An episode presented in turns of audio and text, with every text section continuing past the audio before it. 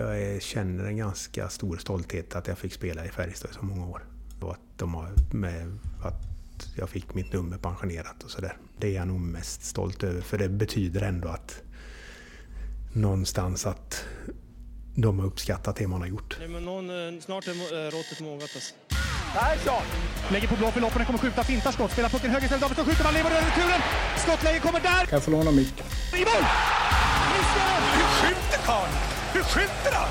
Jag kan bara säga att det där är inget skott faktiskt Lasse. Det där är någonting annat. Det där är liksom, han skickar på den där pucken så jag nästan tycker synd om pucken. Den grinar när han drar till den. Utan Fröbo var målvakt! Kan jag få låna micken? Kolla! Poff! En allvarligt talat Leif Boork håller på med hockey i 600 år. Kan jag få låna micken? Det här är SHL-podden Retro från Betsson och jag som gör de här intervjuerna heter Mårten Bergman.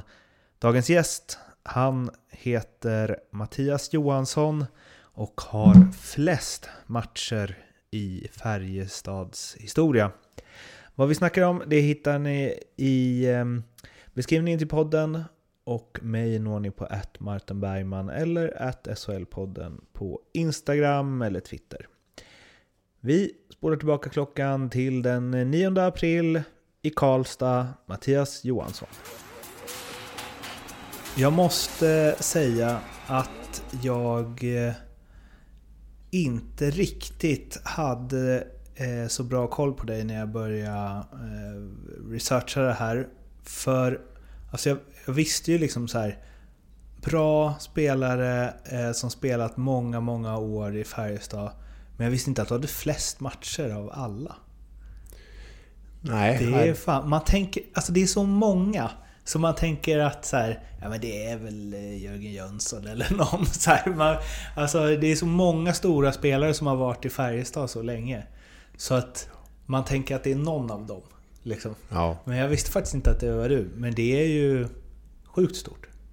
Ja, det är ärofyllt. Dels att man har, det fick vara i, i föreningen i så många år som spelare. Så det är klart att man känner en viss stolthet över det där, men framförallt att man ändå har varit med om så mycket och så, eh, under resan. Sen att, det, att man hamnade på, på mest matcher hittills, nu, hittills i alla fall, ska jag väl säga. Eh, Men... eh, Ja, nu spelar de ju 100 matcher per år. Så det. Ja, ja, ja, det blir lite skillnad. Nej, de, men det är klart att man, man är glad över det. Eh, och det är lite roligt att kunna se tillbaka på att man har, eller i alla fall har haft, en, en, en, sån, eh, ett, ett sånt rekord, eller vad man ska kalla det. Ja.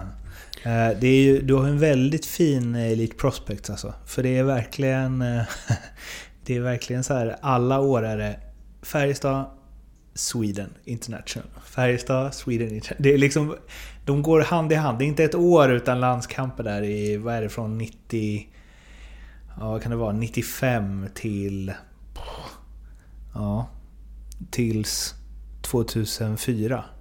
Så ligger, de ligger så fint. Det är en perfekt, en perfekt Elite Prospects-profil skulle jag Ja, säga. ja, ja. Du kanske, inte, du kanske inte är inne och kikar där sådär jätteofta? Nej, inte jätteofta, men det är klart att det var... Nej, men jag hade väl, alltså, ska jag säga... Ja, jag har väl haft en jättebra karriär, så sett. Eh, Och sen just att, att man fick vara i i Färjestad under så många år där det var så mycket framgång också. Vi hade ju... Alltså vi var ju en, en, en, en stabil kärntrupp där under många år. Där vi hade ja, men, Jörgen som, som den stora ledaren eh, och, på, både på och vid sidan av isen egentligen med, med flera. Alltså vi, det går ju att nämna hur många som helst. Nodda och Greger, Toto, eh, Pelle. Nu, nu blir jag Claes Eriksson med massor, med massor med spelare. Jag glömmer säkert någon nu och ber om ursäkt för det. Men det, det var så många som var eh, en så stark grupp. Eh, vi, vi, ja, men vi, vi gjorde, man pratar ofta om det, man gjorde mycket tillsammans och så, men det var verkligen så. Det är också, du ligger ju... Man, det, det, profilen utstrålar liksom att man vet vad man får. Det är mellan 25 och 35 poäng varje match. Det är ungefär jämn fördelning mellan... Alltså eh, från år till år mellan assist och mål. Liksom. Alltså, du spelar nästan alla matcher alltid. Det känns som att det var... Det, den utstrålar gediget och tryggt. Ja, och det, det är väl lite så. Ja, alltså, det är svårt att förklara hur jag var själv liksom. Men om, om, om när man hör folk liksom nämna lite om hur matte var och sådär. Ja men då är det ju det där som du nämner nu. Att de, de visste vad de fick och jag tror också att jag hade nog ganska hög lägstanivå ändå. Det är klart att man hade dipper ibland och sen hade jag ju väldiga toppar ibland också. Men, men att man någonstans... Eh, jag tror jag, att jag är ihågkommen för att jag alltid gav allt i alla fall. Eh, jag klev inte av isen utan att ha gjort mitt yttersta. Det här kanske vi mm, kommer till sen, men... Och du får ursäkta frågan, men jag tycker det är intressant för du har ju en säsong i... Eh, då du var över pölen, så att säga. Men var du den perfekta eh, elitserie slash SHL-spelaren? Om man ville bygga... För jag tänker så här, du var aldrig dålig, hade hög lägsta nivå Men du hade inte tillräckligt hög högsta nivå för att de skulle behöva vara oroliga att du skulle försvinna varje säsong. Ja, jag kan ligga lite i det. Ja. Det, det är nog så. Eh, Jag hade ju... Alltså jag, ibland har jag funderat lite på det här själv, för jag hade några... Hade några bra säsonger i slutet på 90-talet. Jag gjorde en del poäng och... och eh, 20 mål. Ja, och, och då fick jag inte chansen att åka över och sen... sen eh, någonstans så gick man ju och hoppades på att få testa i alla fall. Sen, sen jag hade väl nästan på, inte gett upp hoppet, men, men eh, det var väl egentligen 2002 när, när Hardy tog ut i OS där som jag tror att, att Gallagher insåg att de behöver testa mig kanske. Så då plockade de över mig år efter. Och då hade jag ju en poängmässigt en sämre säsong hemma. Ja, det är det som är intressant. Du gör dina två bästa poängmässiga säsonger. Och sen så gör du din, liksom, din, ja, din sämsta dittills. Ja. Med eh, råge till och med. Ja. Och då blir det OS. Mm. det, Ja, det var, sen hade vi ju alltså... Jag var ju lite förvånad över det där själv eh, när jag kom med. Förvisso, alltså det gick väldigt, väldigt bra i Tre Kronor de, de, när jag var med där. Och sen var väl lite, jag hade väl en roll i det året i Färjestad också där jag kanske fick en ännu mer defensiv uppgift. Eh, Hade inte många sekunder i powerplay och sådär. Och det är klart att då är det då är det svårt att göra poäng. Det ser man ju, det kan man ju titta vilk- vilka år som helst. De som gör mycket poäng och sådär, de har ju speltid eller mycket speltid i powerplay såklart. Eh, Men, men just i landslaget, jag passar in bra i det Big Ice-systemet som, som eh, Hardy Nilsson och Mats Valtin införde. Som, som en form av halvback där, som man kallar det då. Eh, Jag tyckte också det var ganska roligt att spela det där spelet faktiskt. Jag, jag, jag gillade det på, på ett sätt. Och, eh, jag tror att Har- Hardy kände att jag passade väldigt bra in i systemet. Och därav så tror jag var det ju också att jag blev uttagen i OS för han ville ha mig som en, en fjärde center. där.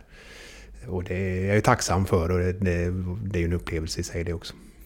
Vi ska eh, komma tillbaka hit och grotta in oss i fler saker. Men först det som eh, öppnar alla de här poddarna. Här är eh, hockeybilder 94-95.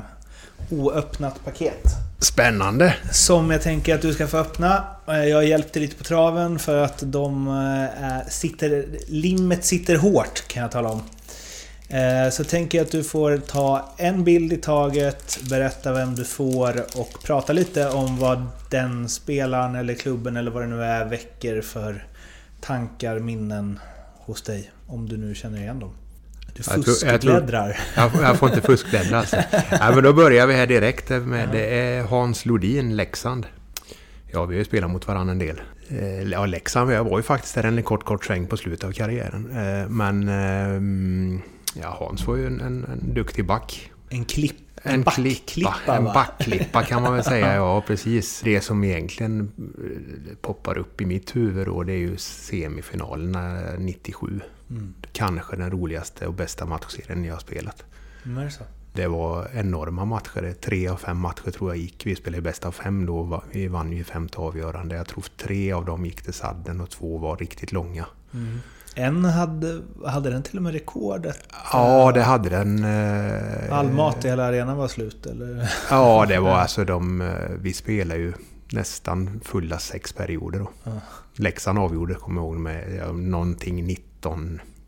Ja, Pastorn 19 och halv. Jajamän, Andreas Karlsson avgjorde. Men det hjälpte inte. Vi, vi tog ju tillbaka det där.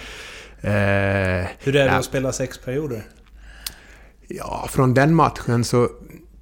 Jag har något svagt minne av att vi satt i båset så tittade jag in i deras bås och då tittade jag tror det är Sigge Svensson som tittar lite på mig ungefär som att nu måste någon avgöra. Jag, jag är helt slut ungefär. Ja, ungefär så. Eh, men det var det året också. Vi, vi hade ju slagit ut HV tror jag det var i kvartsfinalen och så Leksand och, och det var ju, det var ju ruggigt tajta matcher. Mm. Lunden med 3-0 i, i femte avgörande efter typ 8, 9, 10 minuter någonting. Jag håller på Leksand så jag minns det mycket väl. Du minns mycket väl, ja. ja. Men jag var liten då så jag fick... eh, Jag vet att jag fick gå och lägga mig vid... När ni ledde med 4-3. För visst var det så? Det, Ja, ni det gick upp sent. till 4-3, sen så kvitterade Marcus Åkerblom och så avgjorde Klabbe i sadden. Ja, det kan stämma ja. ja. Ja. Jag såg faktiskt eh, 20 minuters sammandrag av den matchen för bara någon vecka sedan. Det var någon som hade slängt upp på Youtube. ja. Det var, det var lite annan hockey. Ja, det tilläts lite mer då. Jag tror inte... Jag tror de flesta hade suttit i utvisningsbåset idag faktiskt. Eh, Men eh, nej, jag kan gilla det där som det var lite grann. Jag tycker ibland... eh, Alltså det har blivit lite petigt idag med dagens hockey. Jag, jag tycker ta bort de här fula smällarna mot huvudet. Det är det viktigaste. Att skydda spelarna. Men att om klubban kommer upp lite över, över armarna på någon, det är väl inte så farligt. Nej. Tycker inte jag. Vad kommer härnäst då? Eh, härnäst Tobbe Lindberg, Luleå. Torbjörn Också en Lindberg. backklippa. Också en backklippa. eh, det är bara så här defensiva nu när jag sitter. ja, Hög lägstanivå här. Nej, men det är väl... Det, ja, ja, men här har vi väl också en, en, en backklippa. Eh, gjorde det bra under ganska många år i, i, i Luleå. Eh, där har vi också minnen egentligen Luleå. Det är ju det är också 97 för vi fick Luleå i finalen där. Just det. Eh, var väl helt uträknad egentligen efter de här tuffa matcherna mot Leksand. Jag vet att det var... Eh, jag tror media skrev rätt mycket om att det kommer bli 3-0 i matcher till Luleå och sådär. Så. Sen nöp vi första matchen upp i Luleå. Jag tror Jörgen Jönsson avgjorde i sadden också. Och sen vann vi hemma. Och så förlorade vi upp i, i Luleå i tredje matchen. Och så avgör vi hemma i fjärde, tror jag, om jag inte missminner mig. Var det året efter att de hade vunnit eller? Ja, de vann ju mot Frölunda 96 där. Och det var ju någonstans en våran generations liksom genombrott i, i Färjestad. Om man tänker på de, den generationen som var innan så där blev ju vårat genombrott på något sätt. Den kärntruppen som var då. Mm. Vi var ju, mm, var ju själv jag var 23 och Nodda 23, Jönsson 25 och sådär. Vi, vi var i, den, i det spannet allihop liksom. Och sen hade vi ju ganska, ganska många bra år fram, framgent sen. Mm. Vad är nästa? Ja, sen är det Micke Magnusson, en annan backklippa. Ja, det är Djurgården. Du har Eh, liksom fått ett paket med tio stycken eh, sjättebackar. Ja, ja precis. Ja, Micke är en skön person. Eh, eh, Han har jag ju spelat med en del i, i, eh, i Tre Kronor och sådär också. Eh, mm, Jättebra människa. Djurgården har vi också mycket duster med genom åren. Eh, Inte minst SM-final 98. Sen det är väl det är den finalen man kommer ihåg mot dem. Sen förlorade vi en final i sista, sista året vi hade gamla ishallen här. Så, så förlorade vi ju i hemma här emot mot Djurgården. Där var det 0-0 va? 0-1, 01 måste det ha varit. Ja, våren 01 ja. Eh, nej, Micke var en bra. Eh, imponerande faktiskt. Eh, om jag inte missminner mig så läste han till... Gick han, läste han juri, juristlinjen samtidigt som han spelade något sånt där. Det, det är lite imponerande. Som man gör. Det är inte, all- det är inte alla som gör det men... men Nej, det är eh, inte något- alla hockeyspelare som gör det. Nej. Så, så eh, nej. Och eh, som sagt var en, back, en backklippa igen. Mm. Och nu ser jag att det ligger en forward som kommer upp här också. Patrik Kjellberg. Ah. I HV-tröja här. Han har ju varit på några andra ställen också. Hade också spelat i Tre Kronor ihop måste vi ha gjort. Ja, det har vi. Också en jättebra kille. Bra på alla sätt. Eh, Stark. Skicklig. Hade några bra år i NHL. Om inte Mm. jag missminner mig åkte väl han hem ifrån... eh, Var han i Anaheim va? Ja, Åkte hem för att han kom in på Polishögskolan eller något sånt exakt. där. Mm. Också eh, så här när man tänker till lite att, att eh, vilka olika vägar man väljer liksom, men att man ändå tar ett sånt beslut och lämnar där borta för att åka hem för att man vill utbilda sig till polis. Jag tycker det är rätt häftigt faktiskt. Mm. Bra målskytt. Bra målskytt, definitivt. Kommer upp en... en, en Västeråskort. Vä- Västeråskort här. Ja. Vik, saknar du dem? Vik. Eh, ja, jag kan tycka Västerås skulle kunna ha ett lag uppe i SHL faktiskt. Mm. Eh, ja, jag skulle säga hoppas och tror att de kan ta klivet upp om, inom några år, för jag tror det skulle kunna behövas. Jag tänker att det eh, grötar till det ännu mer där på ett bra sätt. Alltså Leksand, Färjestad, Västerås, Örebro, Linköping. Alltså det blir ännu mer Ja. Kluster där. Vilket Ja, jag tror gynnar det. Liksom, Ja, rivaliteten. men det tror jag också. Och, och eh, just det där när det är lite, lite kortare resor och sådär. Mm. Att det blir... Eh, fansen kan åka lite lättare och så vidare. Eh, Västerås just måste jag säga, de var ju... När jag kom upp som ung i A-lagstruppen i början på 90-talet där, så var ju Västerås väldigt, väldigt bra. Mm. De hade ju något fantastiskt lag där, det är 90, pratar vi 91, 92 kanske, 90, 91 någonstans, 92. Mm. Där man trodde att de skulle kunna ta, jag tror de vann serien till och med. Hade de typ eh, Patrik Julin och Ja, Popovic Julin och Popovic jag hade de, men de hade ju några ryssar som var duktiga där också. Salomat. Salomatin, ja. Mm. Eh, Anders Berglund, Patrik, Patrik Berglunds farsa tror Mm. jag måste ha varit där. Och hade de mer några? Jag, jag, jag minns inte alla namn, men, men eh, ett bra gäng. Får se om de kommer tillbaka någon gång. Ja, här kommer en riktig legend. En målvakt också. Eh, Pekka Lindmark. Ja. Eh, han har man hört mycket historier om. Jag eh, har väl träffat honom vid något tillfälle men jag han väl aldrig att spela. Kan jag ha gjort det förresten? Snygg är han i alla fall. Ja, ja men det är ju en riktig godbit. Eh, jo, men jag måste ju spela. Jo, det har jag gjort förresten. Jag spelade mot honom i början. Ja. Det stämmer ju det. Men han var ju lite generationen före mig. Jag har inte så mycket mer än att det är ju, jag menar, det är ju, skulle man nämna målvakter genom tiderna i Sverige så kommer ju hans namn upp givetvis. Nu har vi ju producerat sista 10-15 åren enormt mycket duktiga målvakter. Kanske ännu längre tillbaka egentligen. Men, men Pekka var ju, på sin tid var ju han fantastisk. Vad, Ma- eh, Malmö då? Du hade ju en sväng där. Ja, det var ju så här 2000, eh, vänta, 2008 så, så fick jag ju inte förlängt i Färjestad och så ehm, då, mm, ja, jag ville väl egentligen utomlands om, om det var väl meningen så, men det dök inte upp så mycket. Jag hade väl några grejer sådär, sådär. men sen dök Malmö upp i bilden och det var då när nya Malmö Arena skulle byggas. Och, det var väl en eh, väldigt upphaussat och Malmö skulle få en rejäl skjuts med allting och sådär. Och, och, eh, så det, det kändes lite spännande. Jag, jag, I den vevan så... Det tog ju ganska hårt att jag inte fick vara kvar i Färjestad efter alla år då. Men jag säger, det, det köper jag idag. Jag förstår ju att man måste fungra ibland och så. Du och Hugga va? Ja, eh, men, men jag, någonstans hade man väl en dröm att man skulle få avsluta i Färjestad också efter alla år. Liksom. Men det, jag förstår ju att man där och då tog det jädrigt åt och, och det tog ett tag att komma över faktiskt. Men med, med lite distans till det så förstår jag också varför. Var, vem, vem var det som var boss där då? Eh, Thomas Rundqvist eh, var den som var sportchef då och gav mig det beskedet. Så det var, det var några tuffa dagar. Men, men eh, då vet jag att jag hade, jag hade ett bud ifrån Skellefteå och de ville att jag skulle komma upp dit. Och då kände jag att jag funderade ganska mycket på det. Det kändes väl intressant ett tag men så insåg jag att det kommer inte funka att komma och möta Färjestad i riktiga matcher på något sätt. Ja, det var det var ja, absolut. Så det var en, en liten anledning till och sen kände jag väl också att jag kanske ville prova någonting nytt efter alla år i elitserien och SHL och, och det här. Så, men, det, men det blev Malmö till slut och, och eh, tyvärr bara en, en, eh, nästan en, en säsong då. Det, det var väldigt rörigt där nere, struligt och konkurshotet låg över föreningen och sådär efter bara något halvår och så. Eh. Och då, då i januari precis innan deadline så för övergångar så ströp de lönerna för att det fanns inga pengar och, kvar. Det, det var massa strul fram och tillbaka och jag hade ju jag hade två år kvar men, men Jaha. i det här läget så, så valde jag att, att lämna ändå. Då. Och då, du hade skrivit på ett treårs...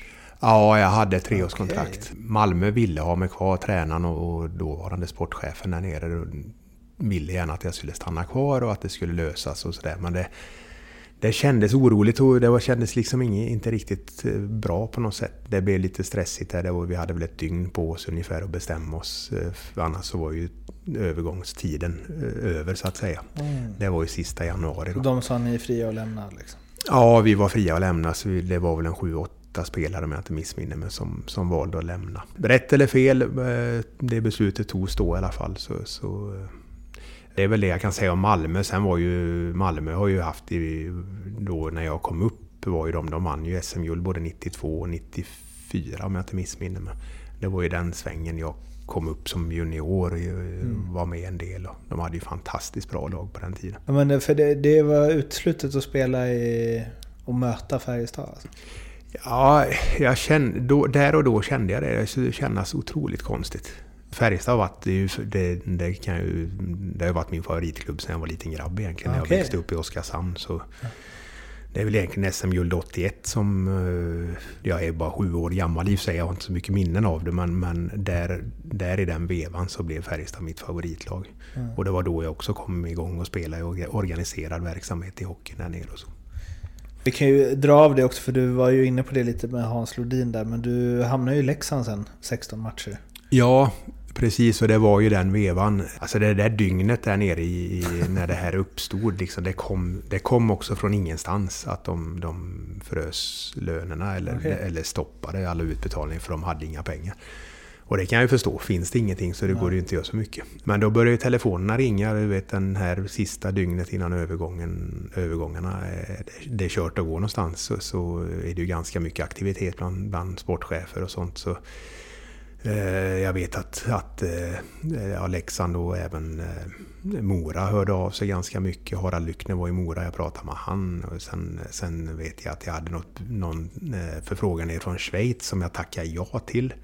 Men som sen drogs tillbaka bara för att det fanns inte täckning för det. Och sen, ja, det, var, det var otroligt vilka 24 timmar som var helt hysteriska. Låter stressigt. Ja, det gjorde det. det var, och, sen, och sen ta rätt beslut i det här läget också. För dels var man ju lite besviken att det var så rörigt som det var i Malmö. För jag hade blivit lite lovat något annat när jag valde att skriva på. Det, det, ja, det, det var ett svårt beslut att ta.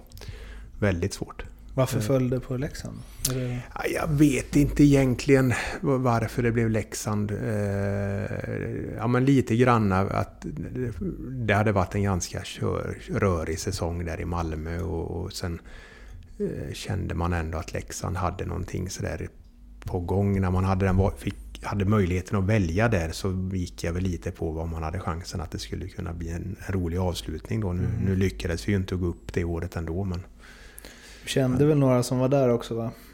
ja, ganska många. Ja. Det var lite mini, mini Färjestad ett tag. Kändes som. Ja. Många både...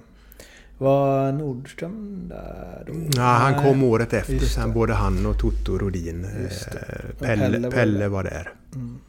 Eh, Så det, var ett, det var ett bra lag i Leksand. Vi fick en liten olycklig start då i kvalserien det året och förlorade tror jag mot Södertälje hemma med 3-2. Och sen eh, så åkte vi på stryk i andra matchen också. Då blev det lite uppförsbacke. Men, men eh, ja, ett annat resultat i den första matchen där så tror jag det kunde ha gått på ett annat sätt. Eh, vad kommer en härnäst? Eh, specialkort. Det är ett specialkort här, Team Performance. Det är Malmö då igen. Igen. Det har vi ju varit inne och pratat Vem på är det på bilden? Rydmark va? Det är Rydmark på bilden ja. Har Eh, ni tekat något? Ja, vi har tekat lite granna mot varandra. ganska, ganska mycket. Eh, Harry eh, Rydmark var ju en, en, skicklig spelare. Eh, ret, snackar ganska mycket på isen. Mm. Eh, lite retsticka så, men, men också en, en eh, väldigt spelskicklig. Jag vet inte om det triggar igång honom så. Snackar han ibland kanske han var för skicklig för att hålla på och snacka så mycket. Men, men, eh, ja, men en bra spelare. Vi, eh, lite roligt egentligen för jag vet att när jag kom upp hit eh, till Karlstad första gången ifrån Oskarshamn så, så hälsade på. Så var vi på det gamla kansliet som ligger där borta på någon strand. Det låg en, i en villa då på den tiden. i En bit ifrån eh, ishallen faktiskt. Eh, Där jag satt med, med, med Kjell Glennert och, och, och några de berättade lite om hur de tar hand om unga spelare som kommer och du vet och sånt där. Och då var Daniel där och, och, och tackade för sig. Då skulle han flytta ner till Malmö.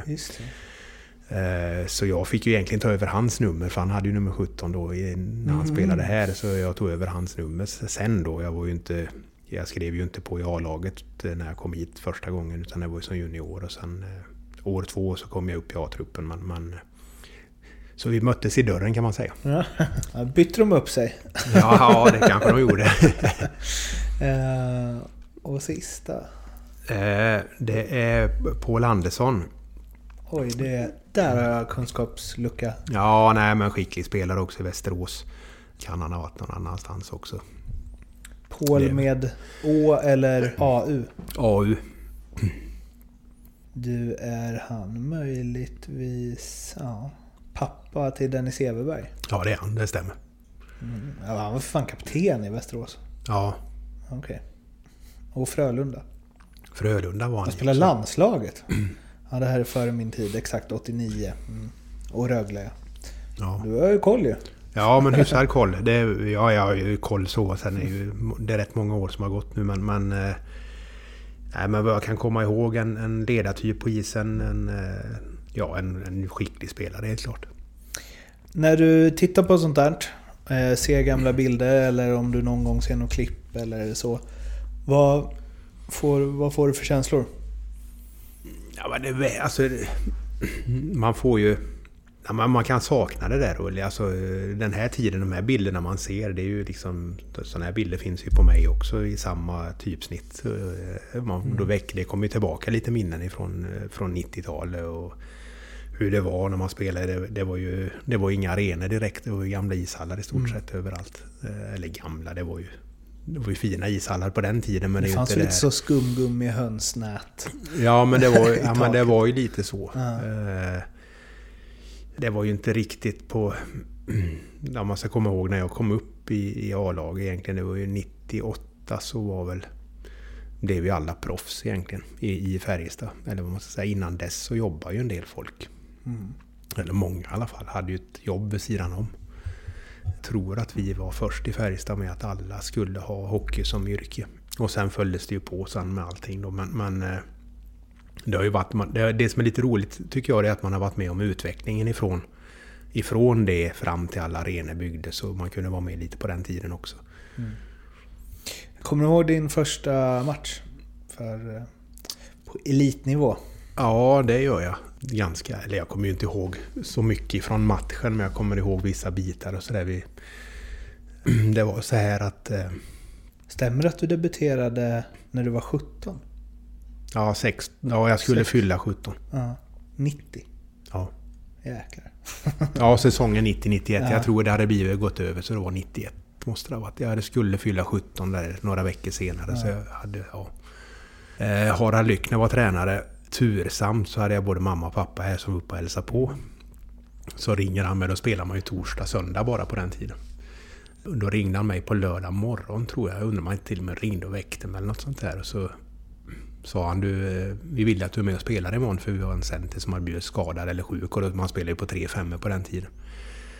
Jag blev ju hur nervös som helst. Jag tänkte hur fasen ska det här gå liksom. Men då, då skulle vi möta HV hemma. Eh, Jag spelar med, jag kommer till och med ihåg vilka jag spelade. Jag spelade med Peter Hasselblad och Jesper Dus tror jag var backpar. Och så var det Micke Holmberg och Magnus Ropé i kedjan. Gick det bra? Ja, men det funkar. Det gjorde det. Jag blev överkörd ordentligt så jag hade ingen luft kvar. Pe- Peter Kessler Eriksson, störst i hela serien, körde över mig i ryggen. Så jag eh, hade väl inte en gnutta luft kvar i lungorna. Men, eh, nej, men det var roligt. Det var häftigt faktiskt. Och just att eh, bara få känna på det.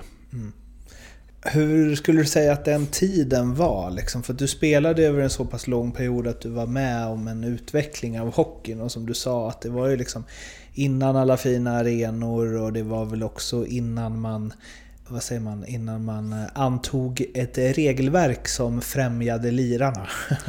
Eh, Ja. och så vidare. Och det var ju liksom någonstans, ja men kanske innan allt blev, alltså alla pengar, när det blev liksom alla tränar rätt, alla äter rätt, alla sköter sig, det är matcher hela jävla tiden och så vidare. Du var ju med om den Ja. transformeringen. Jag vet, jag vet själv när de blev mer hårda på... Jag kommer inte ihåg riktigt, men när man inte fick lägga upp klubban på handskarna och armarna någonting för då åker man ju för hakning direkt. Då tror jag att det gick typ från så här 12-14 minuter i, i, per säsong till 60. Jag hade svårt att lära mig att man inte fick vara upp och rycka i armarna. Eh, jag kommer inte ihåg vilken säsong det här var riktigt men jag vet att jag var eh, någon domare ibland bara men äh, Matte du, du får inte.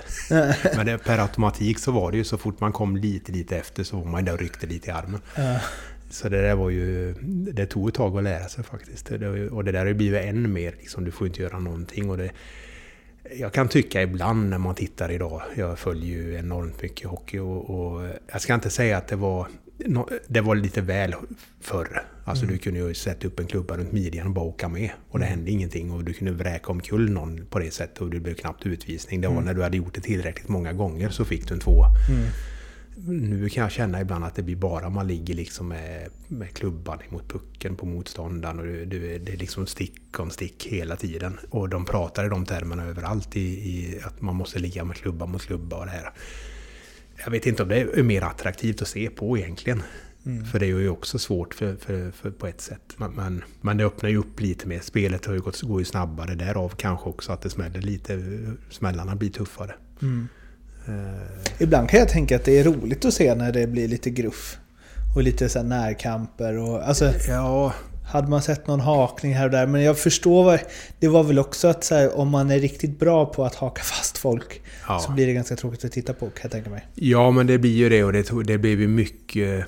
Alltså, man vet ju nästan varje tekning på den tiden så stod man så hade man en klubb upp, eller en, en klubb upp mellan benen och så stod man där liksom och så man tar vägen och nästan lyften med klubban för att... Och det, är ju, det, det får du inte göra heller nu liksom. Eller, skulle du loss någonstans, du, du kom loss med pucken och skulle trampa till och så var det någon som bara tvärnitade med en klubba. Så det var ju... Men då tänkte man ju inte på det riktigt. Att det var ju, då var det ju så. Hockeyn var ju sån. Nu, jag, ska inte, jag, jag, tror ju att det här är bättre som är idag givetvis. Sen, sen, kan jag hitta något mittemellan kanske? Ja, men lite så. Jag tycker det blir lite, lite petigt ibland. Men det, det är också svårt, var ska man lägga gränsen i så fall? Mm. Ja, om domarna har det svårt idag så kan man ju tänka sig om bara, äh, men ta lite ibland och ibland inte. Ja, ja. Som uh, Ulf uh, Rådbjer sa. Ja, vi tar väl vi tar varannan. Ja, ja. nej, men så var, det var ju nästan så förr. Liksom, ja. att, att, eh, nej, men nu har det varit för mycket, nu tar vi en. Ja. Nej, det, det tycker jag är rimligt ändå. Ja, ja. Varför eh, la du av?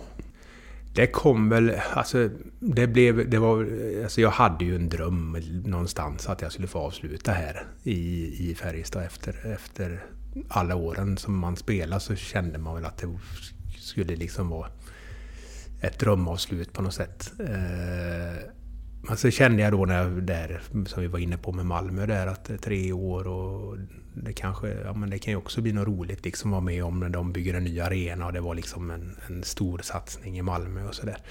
Sen blev inte det riktigt heller som förväntat. Att, eh, ja, men med allt strul som var, jag lämnar och jag hamnar i Leksand och så. Eh, sen, sen, fick vi eh, efter Leksands året på hösten där så föddes våran dotter i, i på hösten. Eh, och vårat andra barn där. Och, och då kände jag att jag ville vara hemma under hösten fram till hon var född. För jag kände att jag, jag drar inte iväg någonstans utan då stannar jag. Och så tränar jag lite med, med Skåre här i stan. Nu finns ju inte de kvar längre men de, de var ju i arenan de också. Har de konkat eller? Nej, det har de inte. Jag tror egentligen föreningen lever vidare men de har ingen verksamhet. Utan, men föreningen finns egentligen ja. någonstans kvar. Men de, de kände väl att de inte riktigt bar sig själva. Ja, okay då, då i alla fall, vi hade ju, Färjestad hade ju ett samarbete med Skåre, eller har ju haft i alla år egentligen på, på ungdomssidan och sådär, men då hade ju vi våra, våra största talanger på juniorsidan. Vi hade ju istället för att ha ett J20-lag så var ju eh, de J20 spelade så att säga division 1 med mm. några etablerade namn, lite äldre killar som har varit med ett tag, men, men merparten var ju, var ju det var ju 90, 90 kullen där med Nygren och Grundel och de här. Ja, just det. Adam Rundqvist. Ja. Robin Stern. Ja, de var ju... Eh, det är bra. Niklas Lob. Det är bra... Eh, Henrik Lob. Det finns och... Ja. och brås på i den här... Ja, Det är liksom... så då tränade jag faktiskt med dem under hösten där eh, för att hålla igång. Och så var Leffe Karlsson var ju tränare i, i Skåre då. Eh, Så han sa till mig så här, men du Matte, sa han, det är ju lika bra du är med och spelar också så är du startklar när du ska iväg. Det var ganska, då, då sa jag, ja men absolut, det är väl inga problem. Så då, då var jag med och spelade, jag tror jag spelade 11 matcher eller något sånt där. Som, det var väldigt, väldigt kul. Det var, ju- jag menar, då var ju Nygga och de här var juniorer och Grundel och Sterner och ja, jag minns inte allt. Erik Torell var med som, eh, var, han var nog bara 16 eller någonting då. Och ja, några till. Eh, Det var ju väldigt många talangfulla spelare. Och så var jag och Högga var också med tror jag spelade några matcher där. Så det var, nej, men det var rätt roligt faktiskt. Sen, men sen eh, dök det upp lite grejer under hösten och, och, och Tuva, våran dotter, föddes. Och, och sen eh, då drog jag till Italien faktiskt. Mycket av att bara få göra något annat. Eh, göra, ja, liksom göra något roligt. Och då, då kanske jag kände också att eh, jag ville få något roligt avslut på karriären. Liksom. Drog du själv eller familjen? Ja, jag drog ner själv men de var ner och hälsade på i två långa perioder. Sen åkte de hem och sådär också. Men det blev väl inte riktigt ändå som... Eh, vi blev väl... Dels att, att Nina, min, min fru, blev lite själv där nere när de var nere och vi var ute. Så hade hon en liten nyfödd och sen en fyraåring på det. Det var liksom lite halvjobbigt för henne. Och, hade det sig så här, hade det varit en, en familj till med kanske barn i samma åldrar och lite sånt där. Men nu så hade man kunnat vara där kanske, för man lever ju ganska gott så det är ju inte... Det, Var ligger det någonstans? det ligger i norra Italien, eh, 10 mil egentligen tror jag det är söder från Innsbruck. Så rakt ner över Brännepasset och in emot Bolzano. Bolzano känner man ju. Ja, så där var man mycket. Det ligger en liten, liten alpby egentligen. eh, Det låter mysigt. Ja, det, det var det. Trivdes bra för mycket av kontakt med, med presidenten som det så vackert heter där nere. eh, Och några, några utav de gamla spelarna också ibland. Så. Ja, men det var lite, det var lite roligt men då, då tror jag det växte fram. Jag hade möjlighet att åka tillbaka ner dit igen men, men jag kände någonstans att jag var rätt färdig och sådär lite, lite småkrämpor, du vet, lite ont i ryggen varenda morgon man ska upp och det tog ett tag att få igång det där. Och, Men eh, ja, så här, kommer du ihåg din sista match? Ja, vi förlorade ju finalen där nere. Haha. Men jag kommer inte ihåg så mycket så egentligen. Mer än att vi förlorade. Visste du att du skulle sluta då? Nej, det, nej det var, jag hade nog inte bestämt mig där. Utan det gjorde jag... Jag tränade under sommaren efter där också för att hålla eventuellt om det skulle sådär. Men så kände jag liksom för varje vecka som gick att nej fasen det får räcka nu. Och då var jag 36 va? Året då, 36. Men det var inga jobbiga känslor du, du la med utan det kändes bara helt rätt eller? Ja, det gjorde det. det då, ja, men det tycker jag. Sen kan jag väl ibland tänka efter, tänka sig om hur hade det blivit om jag hade valt en annan väg där 2008 egentligen. Att, eh, jag hade ju något, någon, eh, något erbjudande utomlands då in- innan jag skrev på för Malmö. Hade jag åkt dit, hur hade det blivit då? Eh, eh, Jag nämnde faktiskt för min, min, min son häromdagen att jag hade det här från Skellefteå. Han bara va? Sk- Skulle jag ha bott i Skellefteå då? Liksom, tyckte han. Ja, men det, det, så hade det kunnat blivit. Men nu, det blev ju aldrig aktuellt för jag kände inte att jag ville och sådär.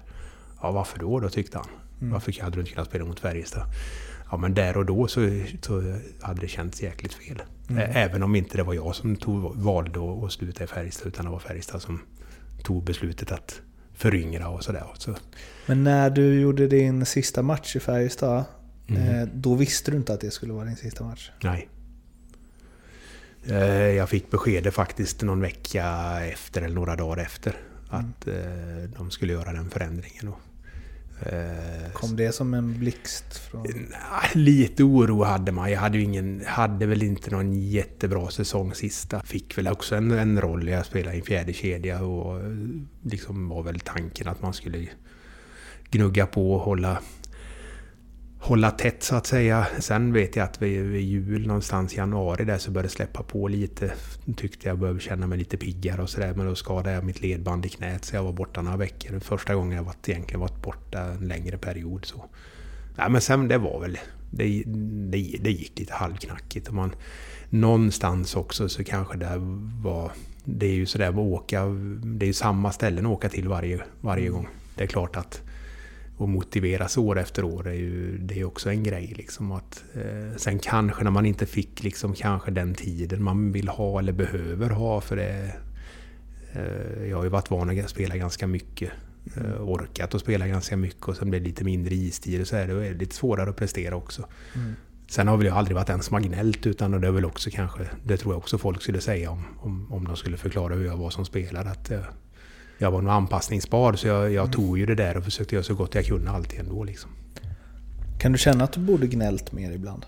Ja, men ibland. Jag, alltså, men jag, samtidigt så är jag så, jä, jag så jäkla svårt för det där man ska gnälla sig fram. Liksom. Jag, då biter jag hellre ihop. Men jag vet ju att man pyser någonstans ändå till slut. När man går och bär på mycket grejer som man kanske är lite förbannad på. Det är ju bättre kanske att man skulle våga prata med tränaren. Man behöver inte gnälla. Man kan ju bara säga att, att eh, det funkar inte som jag spelar nu. Jag, skulle, jag behöver ha jag behöver få spela lite mer eller jag behöver ha lite speltid där för att det ska släppa kanske. För Jag tror eh, det är nog annat idag också. Tränarna tror jag.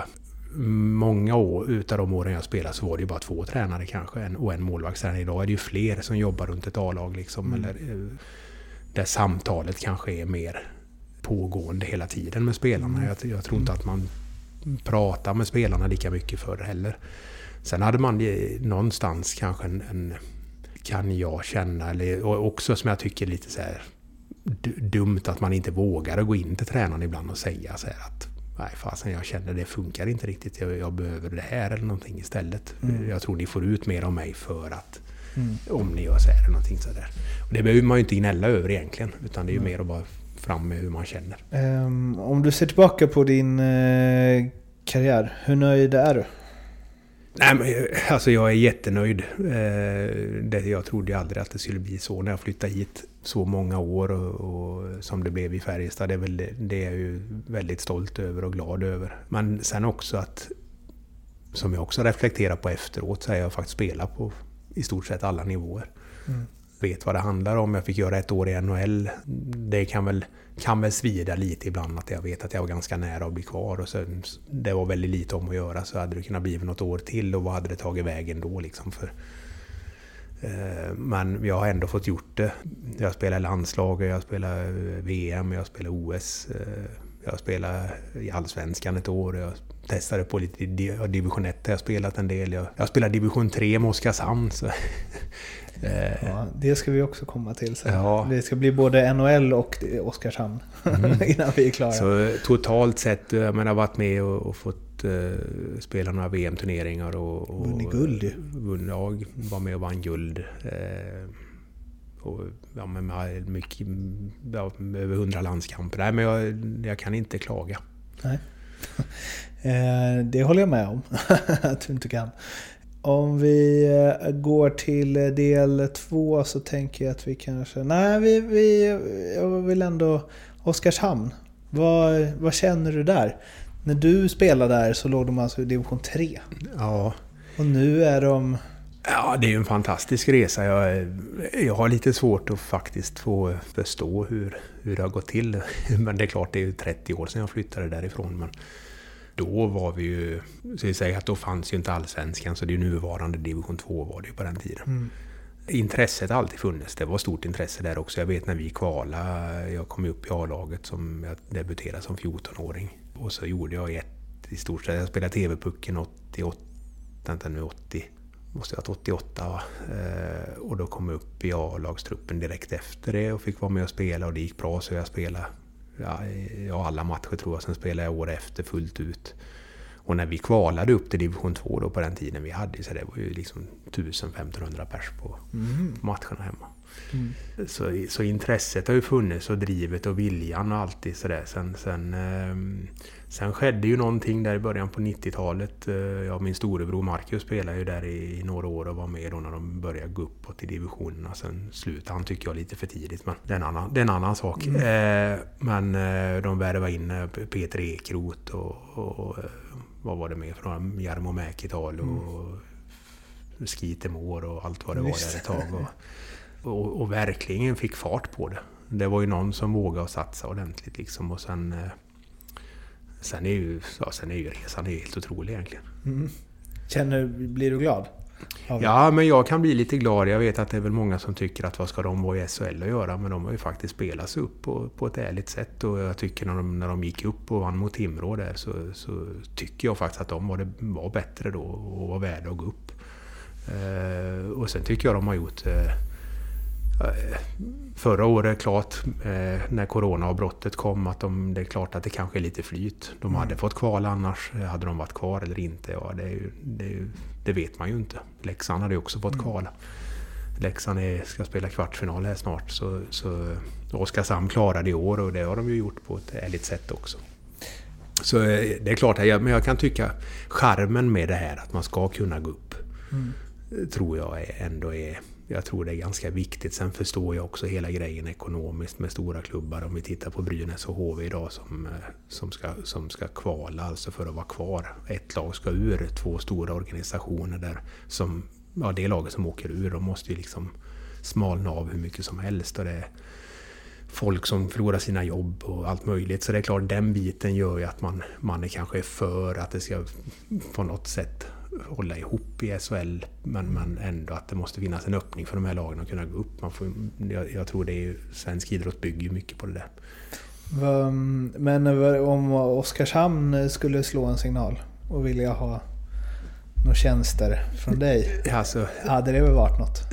Nej, som det är nu så är det nog inte aktuellt. Eh, Jag, har, jag, har ett, eh, jag jobbar ju inom Färjestads organisation då på ungdomssidan och, så där, och, och trivs ju bra. Och det, flytta ifrån Karlstad igen, det, eller igen, det har jag inte gjort. Men, men fly- flytta, flytta ifrån, så det, nej det vet jag inte så. Sen är det klart att skulle, skulle det komma en fråga så, får, så vet man ju inte hur läget skulle vara där och då. Men, men just nu så, så är det nog är det väl inte aktuellt heller kanske. Vad saknar du med, med Småland då? Kebabpizza? Kebabpizza, ja. ja. Nej, Den är ju bäst där. är det så? Ja, det tycker jag nog. Alltså, Ja. ja. Jag har lite släktingar från, eh, eller min mormor och morfar när de levde och nu är det ju kusiner och morbror kvar, men från eh, Målilla. Ja, ja, Så eh, jag har varit och kollat en del hockey i Oskarshamn Ja. om morgonen. ja. Målilla åker man alltid igenom när man åker härifrån. Ja. Ja, det är det man gör. Man åker igenom. Man åker igenom ro- rondellen i Målilla. Nej men jag kan tycka eh, när man... Nu är det faktiskt, jag inte varit nere på... Jag var nere när Färjestad spelade sin... När Oskarshamn Färjestad möttes Mm. eh, förra eh, året. Då, då var jag nere och kollade faktiskt. Det var sist jag var nere, för sen har jag inte gått och åkt ner nu på grund av coronan. Men, eh, nej, men jag, alltså, det är ju någonstans... Det är ju mitt... Det är ju hemma. Mm. Nu har jag varit här så länge så jag har ju, jag har ju allt mitt här. Eh, Vi ska gå till eh, del nummer två som eh, jag kör med alla som börjar så här. Förutom Foppa, Sudden och Lidas, vem håller du som Sveriges bästa spelare genom tiderna? Uff. Ja du. Håkan Loob är ju definitivt den eh, som jag skulle vilja ha med där någonstans. Eh, sen har du... Eh, Håkan var ju, han var ju fantastisk om man tänker, på vad han gjorde i Calgary och sen även här i Färjestad. Det är ju, det är ju fantastiska alltså, siffror bara. Så han håller jag ju högt. Det var ju också en av, mm, när jag växte upp, eh, en, en idol. Eh, Men sen på senare tid, ja, Daniel Alfredsson har vi ju. eh, Jag måste säga Henrik Zetterberg kanske jag skulle peta in där om jag verkligen måste välja en. Som jag tycker ibland är det så här, han, han gillar väl att kanske inte vara i rampljuset hela tiden men, men eh, han har väl fått mycket men, men kanske skulle egentligen få ännu mer uppmärksamhet. Det är ju oftast Sudden och, och Foppa och, och Lidström som, som nämns och det är med all rätt egentligen men, men Zäta hade ju några grymma år i, i Detroit också. Jag snackade om det med, med Loob att de kommer ju... Alfredsson, Zetterberg, det finns säkert fler. De... Eh, ja, det var en stor skugga att stå i. Foppa, Sudden och Lidas. Alltså, Ja. det, de är i samma generation, det är liksom samma tid. Ja, Det får inte plats. Det är smalt på toppen eller vad säger ja, man? Det är men, liksom, ja, I alla fall om man ska se den eh, upp... Alltså om de hade spelat... Mm, säg att de hade liksom börjat sina karriärer när Sudden och Lidas och Foppa slutade. mm. Så kanske de hade varit större. Ja, ja men jag tror lite så. Sen är det kanske olika hur man... eh, vilken generation man själv tillhör och man ser på det. Men om, man, om man tittar lite hur media eh, nämner eh, runt det här så, så är det ju de tre. Mm. Och det, det är ju inget konstigt. De- Det är ju, det, alltså, vem av dem så kan man ju säga så här, det är ju när de var som bäst så var de ju, det är otroligt alltså. Men, Ehm, men sen har vi ju, alltså, så du har ju Sedinarna också eh, som har gjort det fantastiskt bra. Det är ju, ja, men vi har en som åker där borta nu, Niklas Bäckström, är ju år efter år. Mm. Alltså det är ju inte en dipp, det är ju s- liksom... och några till man glömmer ju, det är så många idag. Det är ju... eh, Gabbe Landeskog gör det ju bra. Liksom, jag, Han är väl inte så ga- gammal heller än i och för sig. Han behöver bli det, det är väl det som är lite synd. Ja, ja, ja. att han är äldre än vad man tror. ja. Ehm, förutom Gretzky och Lemieux, vem håller du som världens bästa genom tiderna? Jag skulle ju kunna säga eh, Foppa när han var som bäst. Mm. Det är lite synd. Han var ju, nä- han var ju så hänsynslös mot sig själv eh, med alla skador och sånt där. Och jag tänker om han hade fått vara hel och kunna spela fullt ut så hade det varit rätt häftigt. Mm. Det året när han vann poängligan så, så det, var, det var väl 02-03 va, när han gick om Näslund i sista matchen, var det inte så? Mm. Så, så är han på nära håll några matcher. Han var ju alltså, enorm. Det här är en liten favoritfråga. Henrik eller Daniel Sedin? Ja, Jag brukar säga det, jag, jag gissar alltid innan vad personen ska svara och jag har alltid haft rätt. Jag har ju spelat med dem, jag kan, jag kan knappt se skillnad på dem. Jo, men det, det kunde jag. Men eh, jag tycker de är ju likvärdiga. Jag säger väl Henrik då. Ja, det är klart. Trodde- det var så du trodde. Det slår aldrig fel. Alltså aldrig. Det är liksom... eh, Man, man väljer den som är mest lik sig själv som spelare. Alltså man uppskattar ju den som... Jonas Höglund tog ju Daniel. Liksom. Ja, det, Någon ja. som gör mål. Ja, alltså, ja, Håkan Loob tog också Daniel. ja. Alltså, för att, och alla spelare som nu är tränare tar ju Henrik. Ja, ja, ja. Nej, men så är det väl. Henrik hade väl kanske ett annat ett tänk så i sitt... Med, med Daniel var väl en, en mer offensiv kraft. Sen är ju två eh, fantastiska. Det går ju inte att välja någon egentligen. Den bästa spelare som du har spelat med, och det behöver inte bli det, var den som blev bäst eller som har kändast störst namn, utan som du tycker där och då är den bästa du haft i samma lag. Jag fick, jag fick ju förmånen, eller ska jag säga, eh, något som är lite roligt. Jag fick ju faktiskt spela med Lemieux i, i Pittsburgh när jag kom dit. Eh, förvisso lite, eller på dekis lite grann då i karriären, eller i utförsbacke eller vad man ska säga.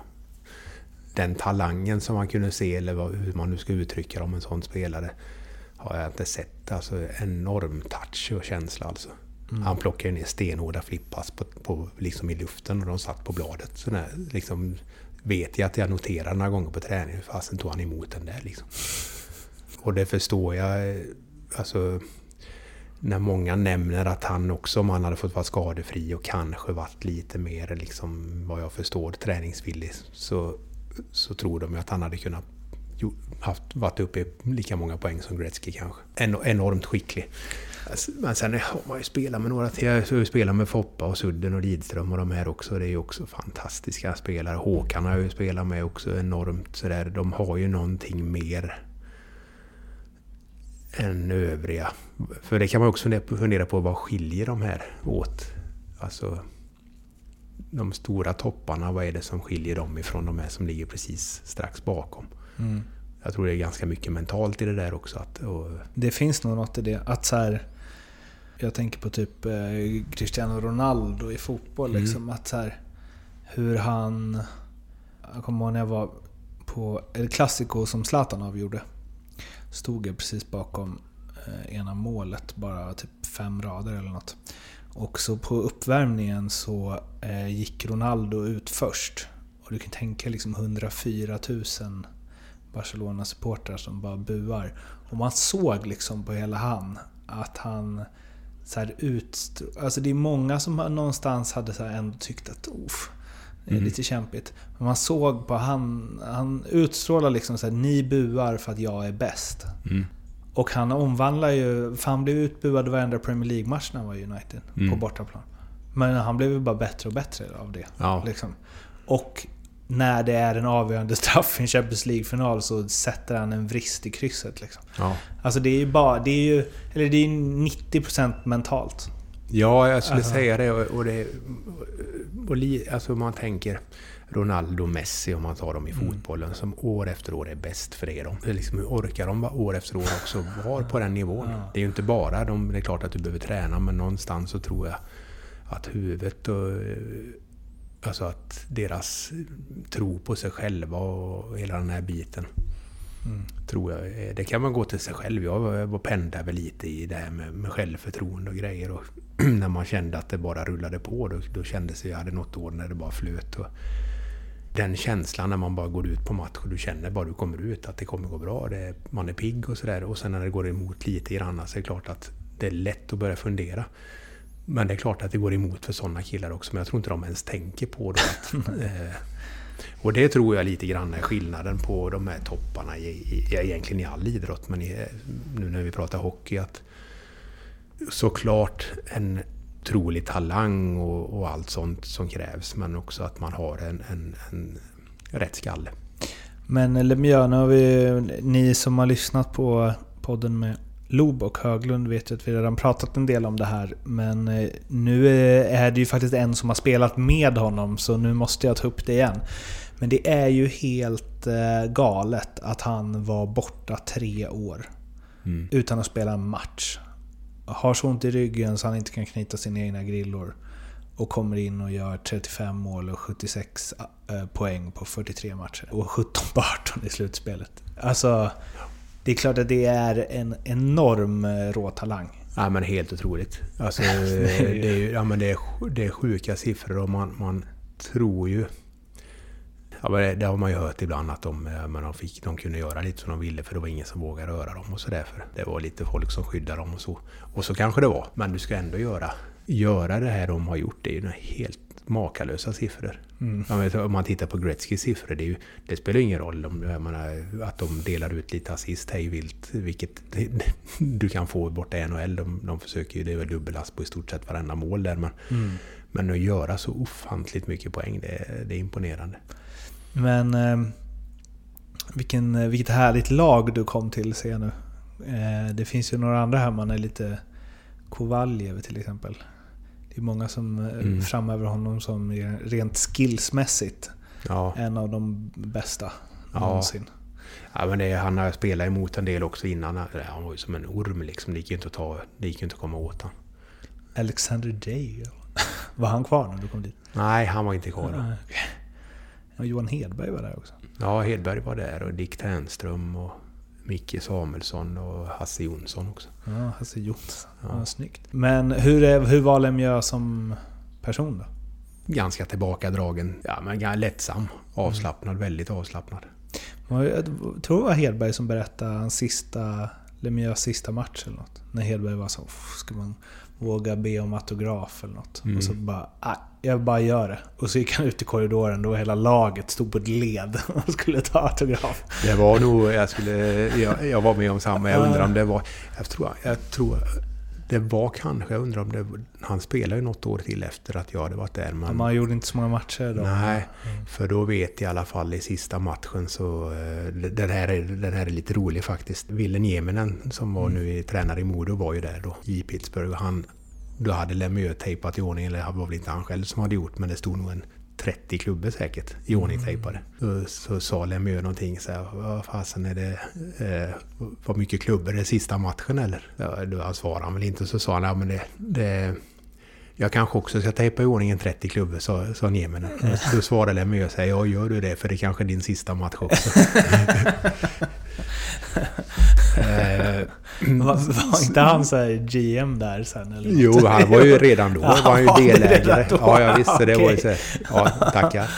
Men... Eh, eh, så då spelade han, vet jag, han bytte klubba varje byte och han bytte trö- matchtröja och grejer. Ja, för att det skulle vara sådana här minnen ifrån matchen. Men det var, då vet jag också eh, på, om det var efter sista matchen eller om vi hade någon sån avslutningsgrej.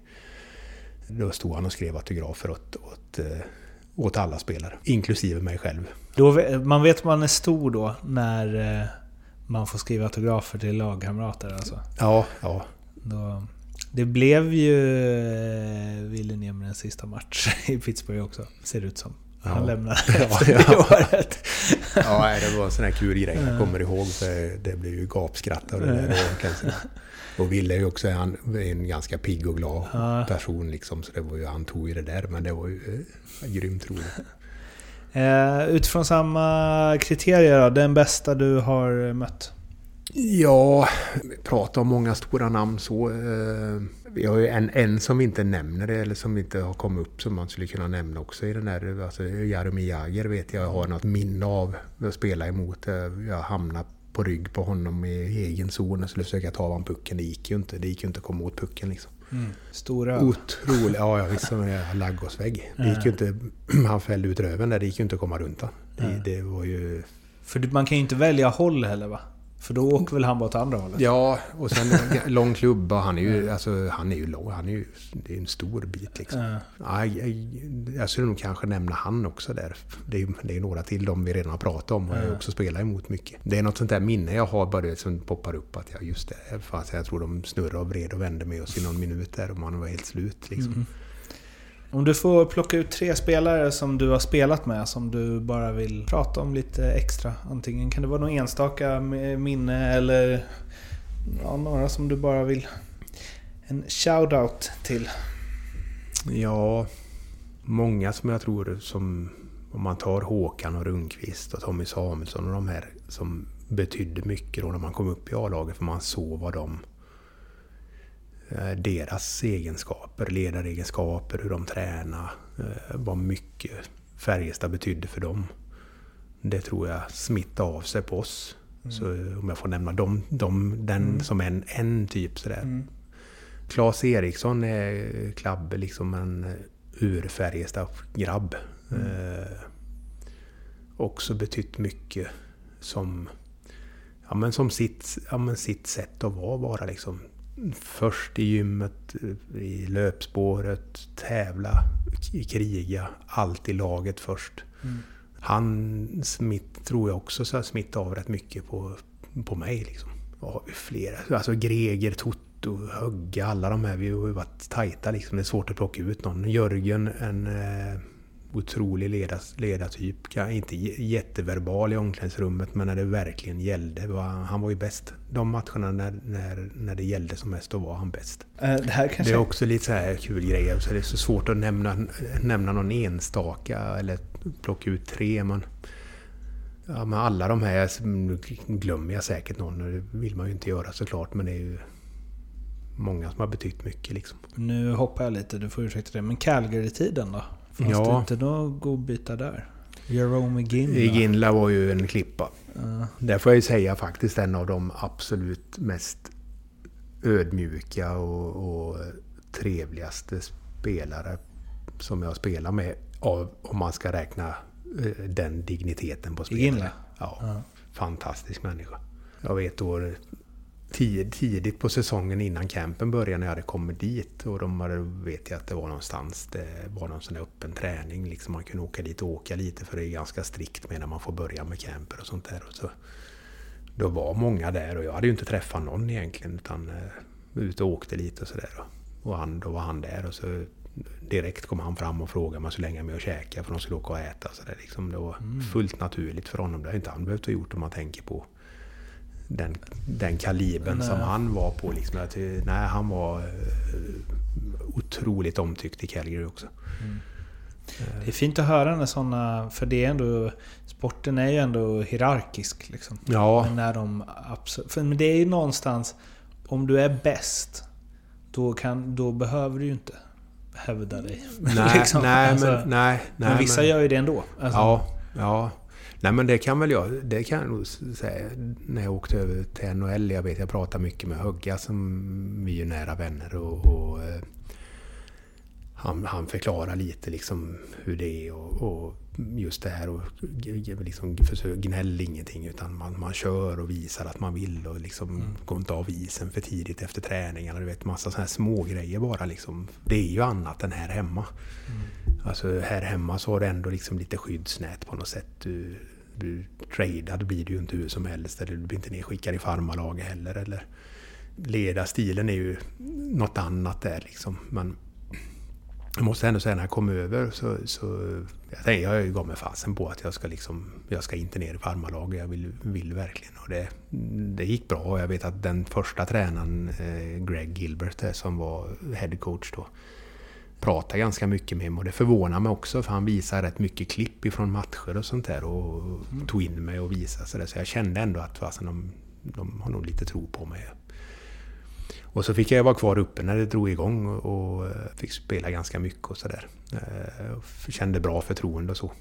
Men så bytte de ju tränare. Vi gick ju lite risigt tyvärr under hösten och sen så kom ju Daryl Sutter in som är tillbaka nu igen då. Mm. Och det var ju för mig en, en lite stor förändring mot vad man var van vid. Han, var, han, är, han är ju stenhård alltså.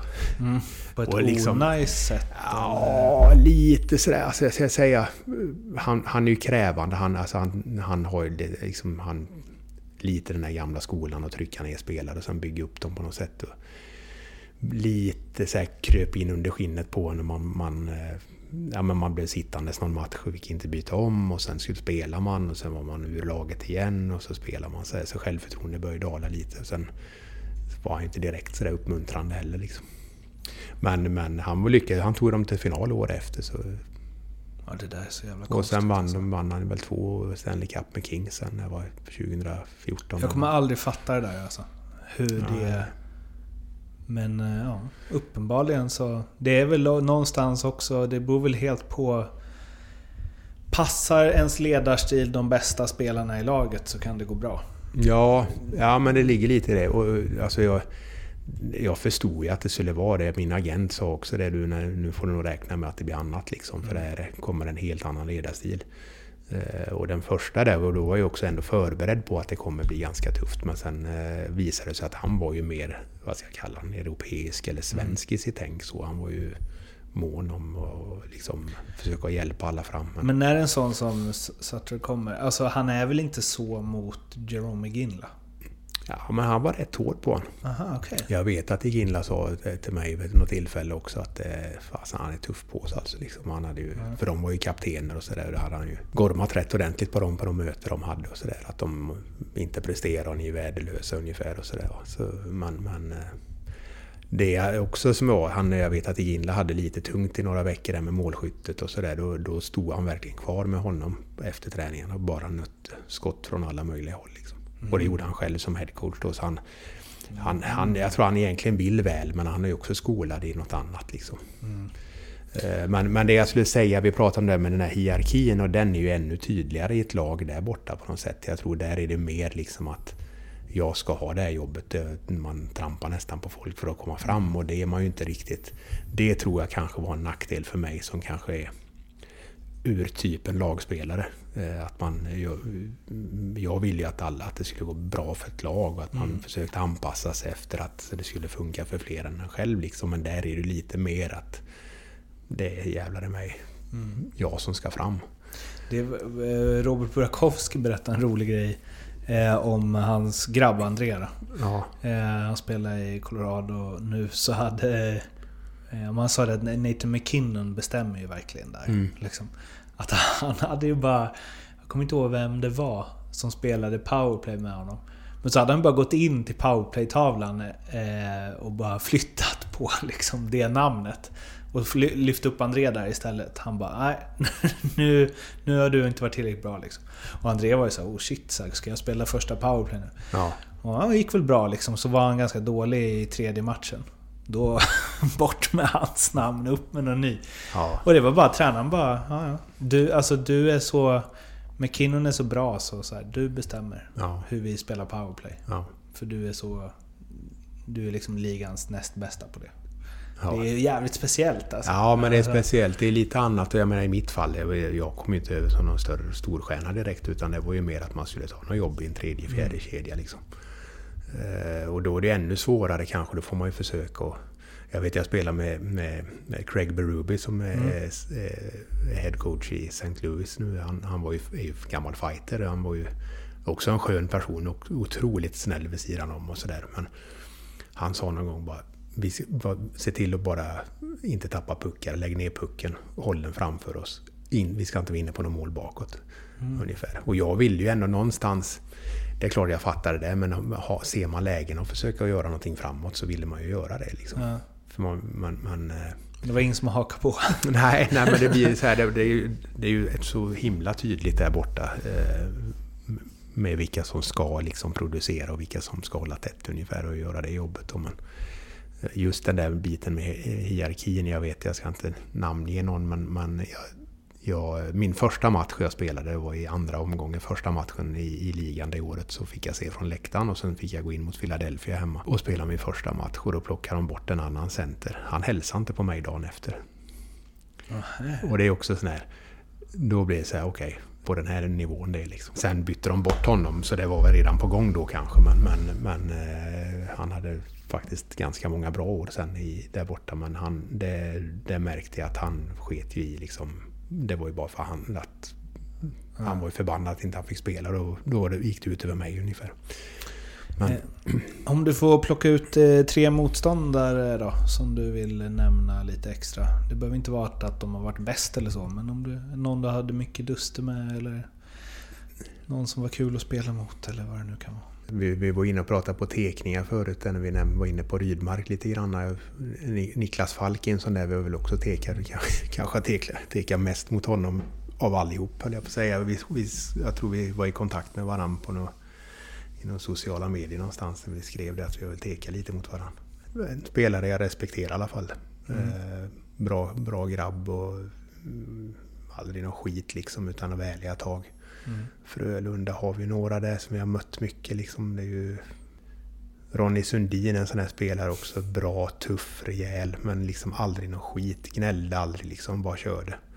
Fanns det något lag eller spelare, tränare, personer, någonting som du gillade att möta lite extra?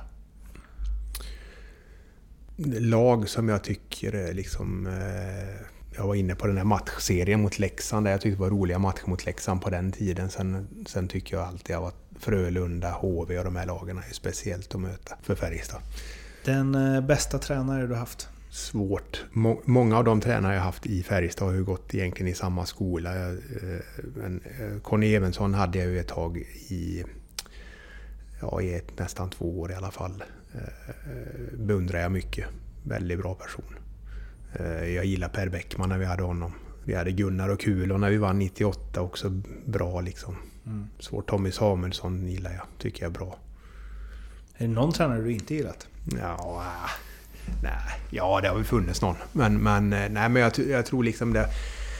Alltså ledarskapet, det är klart att det skiljer lite. Det är lite personlighet i det där också. Men någonstans lite samma spelidé och tanke var det ju i de här. För de här har ju gått lite i samma skola de jag nämner. Sen har det varit lite... Sen är det ju sådär också lite vad man får spela och hur man får spela och sådär. Det är ju lite avgörande också. Det är klart att man... man och känner man inte förtroendet riktigt av någon så är det lätt att inte... Eh, det är lite lättare att tycka att den tränaren är lite sämre då. Men, eh, ja, men ska jag välja en... Ja, men jag, Conny, nu var jag väldigt ung när jag hade honom, men jag tyckte någonstans så fick han ett, ett litet lyft på mig också på något sätt, där han gav mig förtroende att spela. Om du med all den erfarenhet du har av hockeyvärlden idag kunde åka tillbaks i tiden och träffa dig själv 15 år. Vad hade du gett för tips? Vad skulle jag säga? Jag skulle säga jag skulle säga jag skulle kanske tränat ännu hårdare, men det, jag vet inte om man kan göra det, för där och då gjorde man ju faktiskt det.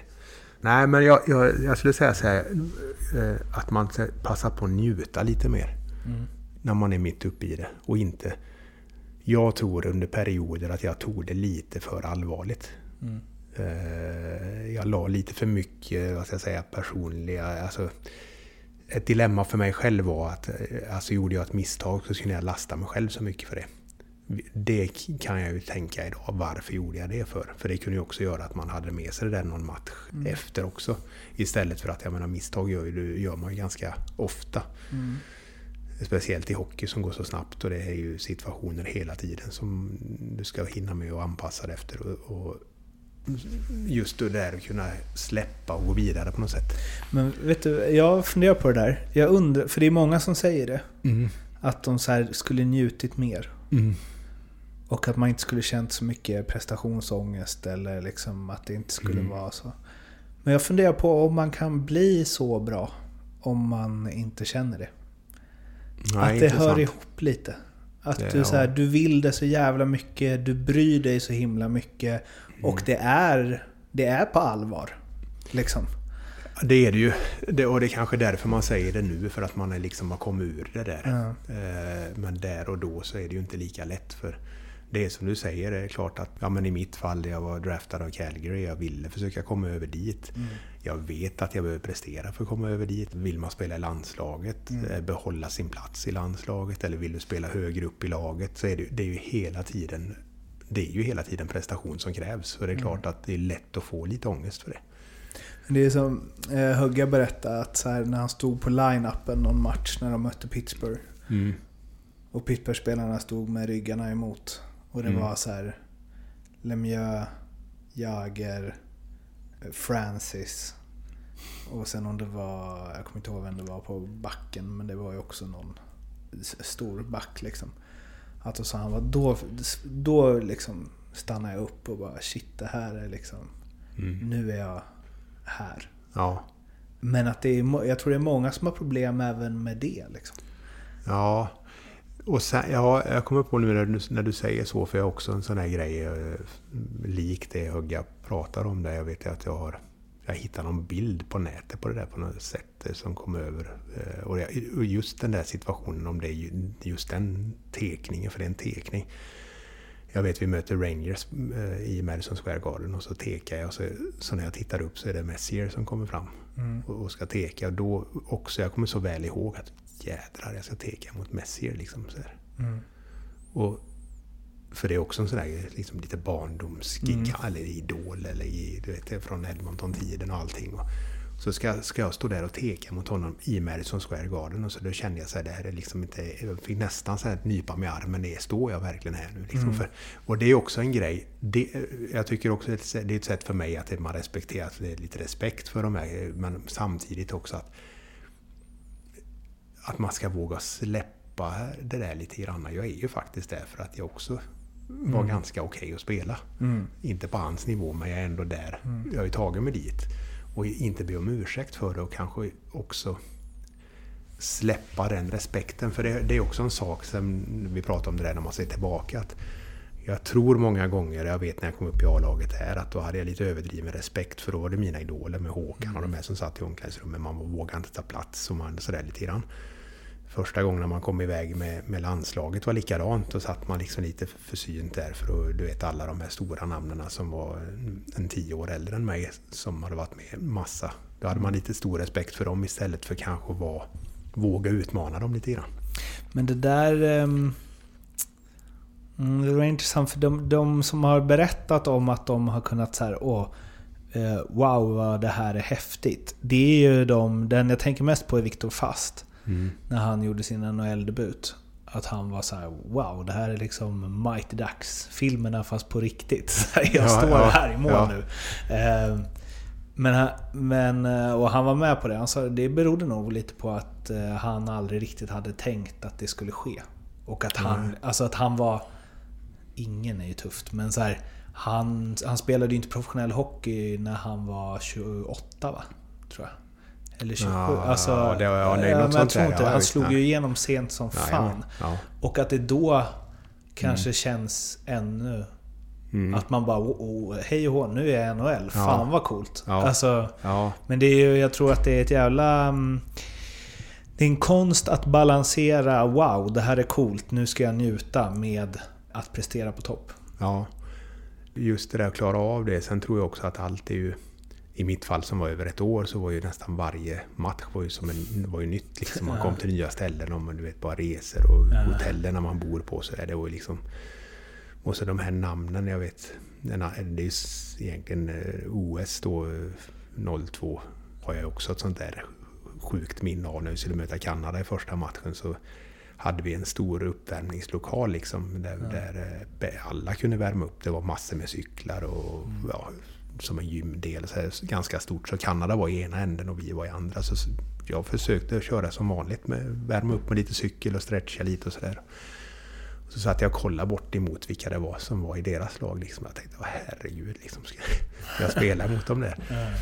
Och samma kom ut på uppvärmningen så minns jag också att jag satt på isen och töjde ljumskarna lite och så hoppade de ut en efter en där liksom på, på isen och så såg jag dem här, jädrar, då kände jag liksom att jag bara nästan skakade av nerv- nervositet för det var ju, de hade ju ett fruktansvärt bra lag. Och det hade ju vi också. Ja. Men jag var ju också i det här att jag hade kommit med som en liten skräll i truppen och sådär. Så jag kände ju en press på att jag måste ju klara av att spela det här liksom. Nu gick det ju ganska bra även om det- slutresultatet i turneringen inte blev bra så gick ju den matchen bra i alla fall. Vilka är dina tre starkaste... Eller stark... Nej, jo. Det tre starkaste. behöver inte vara bästa eller största eller så. Men dina tre starkaste minnen från karriären. Ja, men SM-guldet 97 brukar jag alltid nämna när jag får den här frågan när vi vann där. För det var liksom en... Eh, lite oväntat för vi var inte tippade att, göra det och på det sättet vi gjorde det och sådär. Jag skulle, jag skulle nog nämna det som ett av, av de starkaste minnena. Sen är NHL-året ett starkt minne. Jag är glad att jag fick prova på för jag, jag, jag, vet, jag vet vad det handlar om att ha spelat emot i, mot de flesta lagen där borta. Och, och, eh, så det är också ett, ett bär jag med mig. Det är kul att ha gjort det. Ja men o, nej, OS säger jag. Även om det var ett jädra fiasko till slut när vi förlorade mot Vitryssland så är ändå grejen och fått vara med där så är det också ett... Om man bortser ifrån Resultatet. det resultatet i den matchen så är det ju... Vi gör ju tre fantastiska matcher fram till den matchen. Vad som Patrik Zackrisson i Leksand intervjuade honom. Så frågade jag vad hans största framgång är. Då sa han ja, jag var- blev uttagen i OS. Ja, det största misslyckandet då? Ja, det var väl OS då? De åkte väl i gruppen redan då? va? Ja, jag, Ett ja. år sedan. Ja, men jag, jag brukar faktiskt säga så här att OS är det absolut häftigaste jag varit med om men också det mest sjuka eller det mest tråkiga jag varit med om också. Med det resultatet som Ja. blev mot Vitryssland. Men, men eh, som... eh, Den matchen mot Kanada kan man väl säga i alla fall är ju den häftigaste matchen jag spelat. Så den, vi plockar väl ut den då av de här tre då. Men om man, eh, om vi stannar lite i hela, alltså det OS och det är någonstans som det har liksom så länge det levt kvar och alltså det, det, aktualiserar, det har aktualiserats lite nu på senare tid med liksom ja, eh, allt tragiskt med Tommy Salo liksom och så. Att man någonstans ju vet att det började där. Liksom, och han har hängts ut gång på gång på gång. Och man har ju liksom hör, fått berättat att liksom, han har fått höra det varenda match han har spelat hela sin karriär. Liksom. För det blev ju, jag vet inte om det stod... Så kommer jag ihåg löpsedlarna, det var ju typ så här, ni svek ert land. Och, alltså det var ju något enormt påslag. Ja, det, var he- det var ju helt... Till att börja med att, att Salo blir så uthängd, jag tycker det är fruktansvärt. Det är mm, alltså så mycket bra som han har gjort. Och sen för en... en alltså det, det, det händer ju inte igen en sån... Som det målet går till liksom. Det är ju, det är ju otroligt. Men Och är det, Det är någon match han ska ha råd med att göra det så är det väl... Ja, det, ja men det är det ju. Ja, det, jag tycker det är, det är helt hemskt. Jag, jag lider med honom att han har mått dåligt över det här och att, han, eh, att det har blivit som det har blivit. Jag hoppas verkligen att han kan komma få ordning på allt liksom. Men då efter det där, vi, NHL-spelaren, vi var ju bara tre. Det var ju jag, och Zäta och Jörgen som var med från elitserien då. Eller hette det SHL då det kanske gjorde. Och vi, vi, åkte, vi skulle åka hem, vi blev ju kvar i OS-byn där i alla fall i någon dag. Då, och de flesta NHL-spelarna de drog ju nästan direkt. Till, sitt- hem till sitt, det var väl några kvar. Jag kommer inte ihåg exakt vilka, men vi, vi fick ju ta lite media efter och sådär. Och det var ju inte, det var inte roligt alls. Alltså jag hade, var, var ingen ledande, ledande spelare i det där laget och, och stå och svara på sådana frågor som kom då. Nu kommer jag inte ihåg exakt, men du vet det var ju fiaskostämpel och det var ju vad, hur kunde det bli så här? Och Det var, det var rätt svårt faktiskt. Sen, sen vet jag i alla fall att vi, eh, vi eh, flög hem, jag kommer inte ihåg om det var en eller två dagar efter. Eh, När vi landade på Arlanda så var det var det snöstorm så det var ganska mycket flyg inställda och sådär. Det var, Arlanda var helt fullproppat med folk och så kom vi där med våra väskor med OS och hela skiten. Liksom. Det, man kände blickarna det, på Ja, riktigt. ja. Och då såg vi löpsedlarna också. och hade sett det, det var tror jag Expressen som, som hängde ut alla, alla ansikten på profiler, sådana här småbilder och så ni svek ett land. Och så stod det vad vi tjänar och du vet bla bla bla, massa sådana grejer. Så det var ju, det var ju de jädrar alltså. Det var rätt tufft. Det var, det var, det var en jobbig tid efter. Jag vet också, vi, jag tror vi mötte Södertälje borta sen med Färjestad i omstarten därefter. Och då på uppvärmningen så, så uh, tänkte jag, fasen, vad, vad är det de buar åt liksom? Då åkte vi runt så här. Så var det, ja, när Jörgen fick, tog en puck och åkte och, och sköt med, då buade de. Så när jag tog en puck och åkte, då buade liksom fansen där. Södertälje-fansen buade, ut- buade ut oss liksom för det. Fan vad märkligt. Så det blev sådär, det var ett tag som det var lite så glåpord och man du vet, så, ja, Ja. ja, lite skumt. Och ändå då ska man ju komma ihåg att Kanada-matchen där skrivs ju upp som den bästa Tre Kronor har spelat någonsin. Mm. Och sen trillar vi dit på en sån där. Och det var ju också... Jag vet, det, en av få gånger jag pratade med Lemieux i Pittsburgh, det var faktiskt om det. Han, han kom fram och så sa han, jag måste fråga, så han, vad, vad hände mot Vitryssland? Sa han, vi, vi var helt, helt på det klara med att vi skulle möta er i semin och, och eh, att de hade ju enorm respekt för oss. Han sa, ni spelade ut oss i första matchen. Och, och, så de var helt förvånade. Var det någonting i laget som inte var liksom... Han, han var nyfiken på att höra vad det var som hade hänt. Vad sa du då? Ja, det kommer jag inte ihåg, men jag- alltså, det, någonstans så tror jag det han infann sig någon sån där typ att det här, det här vinner vi. För vi var, ju, vi var ju bättre i matchen hela tiden tycker jag. Sen gjorde de de här målen med, i rätt lägen hela tiden och, vi fick inte in puckarna. Så där. Sen självklart ska vi i, slå Vitryssland hundra gånger av hundra i en sån match. Hur var stämningen efter? Alltså eh, direkt efter omklädningsrummet? Hemsk. Sjukaste stämningen jag känt. Det, alltså, det, det var helt dödstyst. Det, det var... Folk satt, det var helt tomt. Tomma blickar, var helt... Alltså, och då... Jag vet att jag tänkte sen liksom så stora namn som sitter och är helt liksom...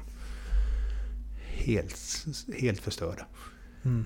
Så det var, det var... Det var tufft. Hur pratar man om så här...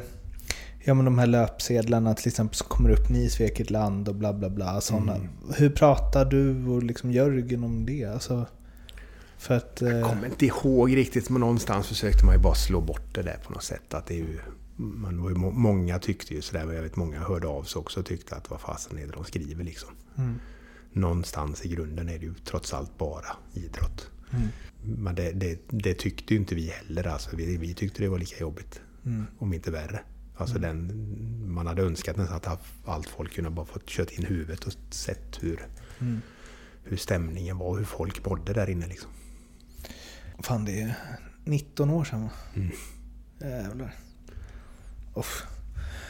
Eh, nu fick jag jobbig känsla. Men ehm, vem har betytt mest för din eh, karriär? Jag skulle säga egentligen, så om man ska gå tillbaka, så är det mamma och pappa egentligen. Som släppte iväg mig som ung en gång i tiden. Eh, ja, jag, jag säger dem, eller, eller min bror också. Min- De har nog, utan brorsan hade kanske inte ens börjat spela hockey. Han var den som började. Han är några år äldre än mig och sen eh, var jag väl, fick jag väl vara med dem lite grann, även om inte han alltid ville, så fick jag väl vara med och spela lite landhockey och sådär med dem. Men, men, eh, nej, men jag säger dem, för det... Eh, de, och sen en annan sak som jag vill egentligen trycka på där, det, det jag jobbar ju själv med på, på ungdomssidan idag. och s- eh, ska inte säga att det är vanligt, men det, det, det, det är det ju eh, överlag i idrotten, i ungdomsidrotten, att det är press ifrån föräldrar och så vidare. Där. Och det har jag all, all, aldrig känt någonsin. Snarare tvärtom. Bara en uppmuntran och det... Och att de har stöttat alltid. Ja, men du vet, skjutsat, fixat. Eh, när man kom hem ifrån träningarna sent var det mat på bordet. Varit där men ändå inte liksom påverkat någonting så utan eh, bara känt ett stöd. Det, så det, de har nog betytt mest, så jag säga. Är det ett problem idag? Jag tror att det är väldigt vanligt att, att eh, det är en föräldrapress. Att man... eh, Fördelen kanske som det var då, det var att det var inte någon som... Ja men du tjänar ju inga pengar på att spela hockey på den tiden. Exakt. Det pengar? Det kostade inte, kanske inte lika mycket då heller men, men eh, jag tror idag har det blivit liksom väldigt, om man tittar på idag vad, vad spelarna tjänar. Mm. När man är SHL, men om man tittar NHL eller KHL eller sådär så är det ju enorma summor. Och jag tror inte hockeyn är enda idrotten, jag tror fotbollen egentligen har samma problem. Men att man inte, försk- man inte kan ha, ha, lite is i magen med, med, med sina barn. Att det, det, handlar ju om... Ska du bli bra på något så, så måste du tycka att det är det roligaste du vet. Mm. Tycker du inte att det är roligt så kommer du, det går ju inte. Det, det, funkar ju inte. Mm och tvinga fram någonting. Utan jag tror det här egna drivet och att det får komma eh, från en själv istället. Än att det är någon utifrån som försöker påverka. För det, sen är det klart att man måste stötta, uppmuntra och i, i, jag menar, ibland också pusha lite grann. Men, att man, men, inte, men det att det får vara på deras villkor på något sätt. Det där är så jävla sjukt att man kan liksom pressa sitt barn för att man vill att den ska bli en rik idrott. Alltså, oh, ja, det är en annan podd, men för fan vad jag eh, mår dåligt när jag hör sånt här. Ja, nej men det, och jag, jag också, jag har så svårt att förstå att, att, att varför man gör det för. för ska jag också komma ihåg att ett, en, ett, en hockeykarriär är, jag man säger att du är från 20-årsåldern ungefär kanske som du du börjar kanske kunna tjäna lite pengar i vissa fall 18 då. Men mm. säg, säg 20 år, 15-20 år en karriär i snitt någonstans. Mm. Och sen har du kanske 30 år kvar egentligen till du ska gå i pension. Mm. Så, alltså, hur roligt är det? Det är klart att det är väl, det är väl kul att ha pengar på banken, men du vill väl ändå ha någonting att göra sen. Liksom. Mm. Det kanske är klokt nog att utbilda dig och över tid kan du tjäna de där pengarna i vilket fall. Mm. Alltså, men jag, jag tror ju inte alls på det där att pressa fram någonting utan det måste komma ifrån en själv. Vad är du eh, mest stolt över med din karriär? Ja, men jag, är, jag, är, jag skulle säga att jag, är, jag är, känner en ganska stor stolthet att jag fick spela i Färjestad i så många år. Och att, de har med, att jag fick mitt nummer pensionerat och sådär. Det är jag nog mest stolt över för det betyder ändå att någonstans att de har uppskattat det man har gjort. Mm. Sen är jag också, jag, som jag varit inne på, jag är stolt över att jag fick spela ett år i NHL och att jag fått spela i OS och VM och allt det där. Det känner jag också en viss stolthet över. Men det där med tröjan i taket, eh, mm. tog du med Niklas Eriksson också. Eh, och han sa det, när jag sa det jag kommer säga till dig nu, så sa han så här, ja när du lägger fram det sådär. Men eh, det måste, det måste vara en helt enorm känsla att vara du kommer liksom alltid vara en del av Färjestads historia. Ja. Den klubben som du höll på och har liksom vikt, vad blir det, 15-16 år av ditt liv till. Mm. Att, att det alltid kommer hänga liksom en tröja i taket med ditt namn. Ja. Det måste ju vara... Så, eller det går inte att föreställa sig om man inte varit med om det. Nej. Det är ju hur, det är ju hur fint som helst. Ja, det, ja, det är det ju. Och det, det, är ju... Jag håller med Niklas, den, nu när du säger så så är det ju faktiskt... Eh, den kommer ju alltid vara där. Mm. Nej, jag vet när jag fick beskedet så att det skulle bli av så... Ja, men det, det, det är häftigt. Det, mm. det, är lite svårt att, egentligen att ta in, även om mycket nu när man ser tillbaka är det lättare att ta in och sådär. Men just det där kan ibland kännas när man är... Alltså jag jobbar ju där borta så jag ser det mm. titt som tätt. Och då, det är fortfarande lite så overkligt ändå att man är en av dem som hänger där uppe. Liksom. Mm. Kommer inte komma någon som du kom till efter Rydmark och alltså, ta numret? Nej, precis. precis nu. nu är det kört. Två frågor kvar. Näst sista. Berätta en riktigt rolig anekdot från karriären. Slash, eh, vad är det sjukaste som hänt dig inom hockeyn? Vad är en annan formulering av den? Något behind the scenes. Behind the scenes, ja du. Vi hade någon rolig grej. Måste jag tänka lite hur det var. Vi skulle till Ryssland i alla fall och spela i om det var Europaligan eller något sånt där som det hette då på 90, slutet på 90-talet kan det ha varit det. Jag tror vi skulle möta Dynamo Moskva. Flög över i alla fall dit och, och sen när vi skulle in i landet tror jag, så, eller om det var när vi skulle hem, jag minns inte. Det måste ju varit när vi skulle in i alla fall så, så, så försvinner Nodda, Peter Nordström bara. Då tog mm. de in honom åt sidan. Mm. Och alla, vad fasen är det som händer liksom? Och då visade det sig att, tror vi i alla fall, att det var, de trodde att han var någon spion av något slag. För han hade samma namn eller något sånt där visade det sig. Så han blev borta, alltså han var borta ganska länge så vi satt ju där och väntade hur länge som helst. Vi sa väl det innan att han är lite klurig?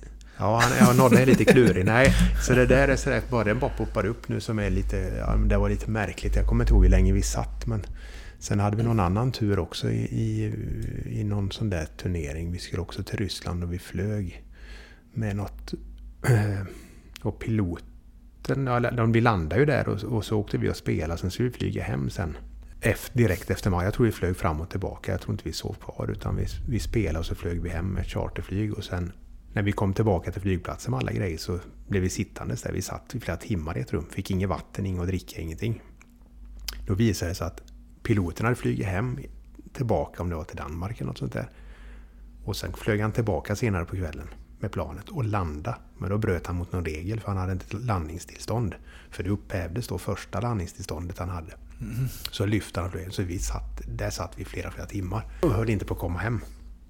Och jag tror vi hade bråttom hem för vi skulle spela någon match i serien Mm. sen. Något sånt där. Och, och, ja, massa strul med det där. Och här, jag tror att han till och med blev åtalad eller något sånt där. Pilot. Om jag inte missminner mig. Men det ja, Kul med det är inga Europaspel. större grejer men det är bara sånt där som kommer upp nu som sjuka grejer. Där hör ni, ni som ska spela CHL till, Ja, precis. till hösten. Se till att... Ja. Nej, Inga men, spionnamn i truppen. nej, nej, precis. Då kan det gå illa. Annars vet jag inte sådär. Jag kan komma på något speciellt så. Men det är lite sådana här konstiga grejer som man har varit med om. Jag tänker det, ni är ju med om en del grejer som man inte är med om. Som när man har ett vanligt jobb. Liksom Ja. Eftersom ni re, får resa så mycket och liksom eh, NHL framförallt när du var där. Så du måste ju ha sett mycket liksom. Ja, det var... Eh, ja, där borta. Jag vet inte, jag kommer inte ihåg om det var något så speciellt som hände. Men, men, eh, ja, men det har varit lite sådana här resegrejer som har varit lite struligt. Men de, det är sådana här saker jag kommer ihåg. Så i Ryssland just att vi... Vet, vi fick ing, när vi satt och väntade på det där så skulle vi flyga hem. Vi sa, jag vet inte hur länge vi satt. Det var, alltså det var flera timmar. Och, inga, och vi hade spelat, inte någon mat, inget vatten, ingenting. Och de gav oss inget. Det var inte vårat fel att han hade, att han hade fuskat med det på något sätt. Hur det gick till, det, och hur det gick sen för den där, det vet jag inte. Kollektiv bestraffning. Vi hoppas att han mår bra. Ja, ja. Eh, avslutningsvis, vilken spelare eh, som också lirat under den perioden du spelade där, eh, eller i alla fall 90-tal, eh, tycker att jag borde intervjua i den här podden?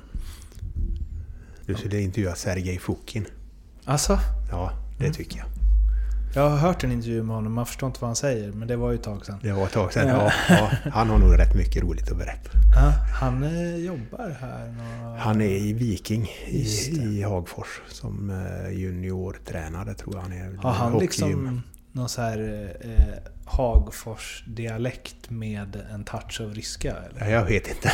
jag, jag har inte träffat honom på länge nu faktiskt. Ja, Det skulle, vara, det skulle vara roligt att höra hur det är med honom. Du, eh, tusen tack för att du ville vara med. Tack själv, det var roligt att vara med.